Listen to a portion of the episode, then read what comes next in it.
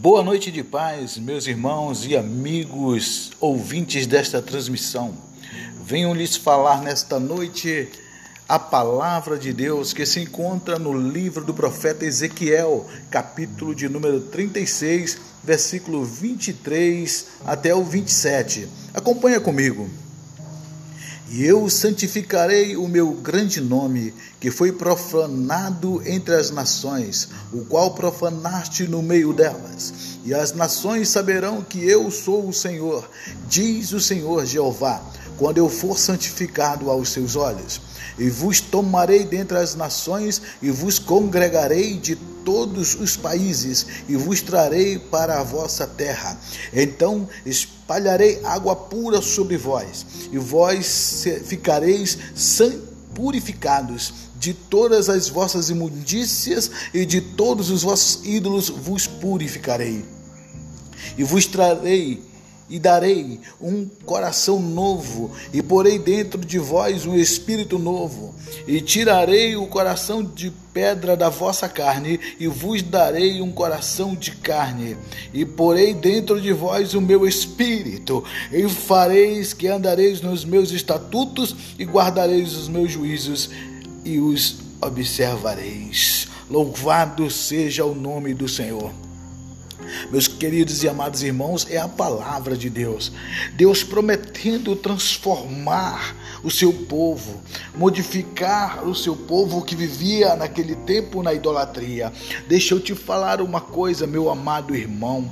A palavra de Deus nos revela que Deus, desde a sua criação, ele criou o seu povo para o adorar mas daquele tempo até agora, o povo anda disperso, querendo viver a seu bel prazer, como ovelha que não tem pastor. Mas nessa noite, o Senhor está dizendo que fará de alguma maneira a qual você volte para Ele, para que você volte a adorar, vai tirar este teu coração de pedra e colocar um coração de carne e te colocará dentro de você o Espírito dele. O Espírito Santo do Senhor passará a viver contigo. Louvado seja o nome do Senhor. As pessoas hoje já não querem mais saber de Deus. Vivemos no tempo em que a tecnologia transformou pessoas que outrora adoravam a Deus em perfeitos zumbis. Como se não tivesse espírito andando encurvado sobre a tela de um celular, sobre a tela de um notebook, mas as pessoas não se preocupam mais em buscar a Deus.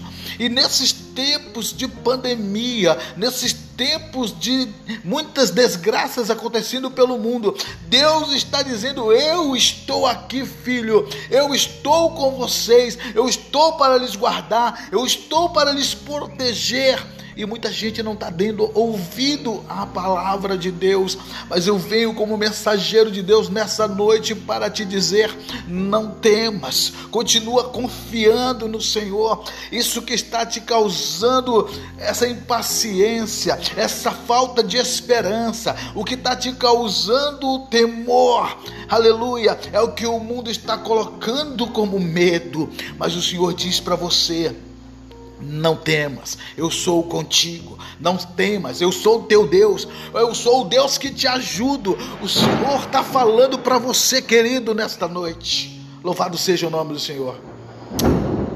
Procure chegar-se perto de Deus. Aleluia. A palavra de hoje é: chegue mais perto de Deus. Seja totalmente dependente do Senhor e ele se voltará para você. Quero orar pela tua vida.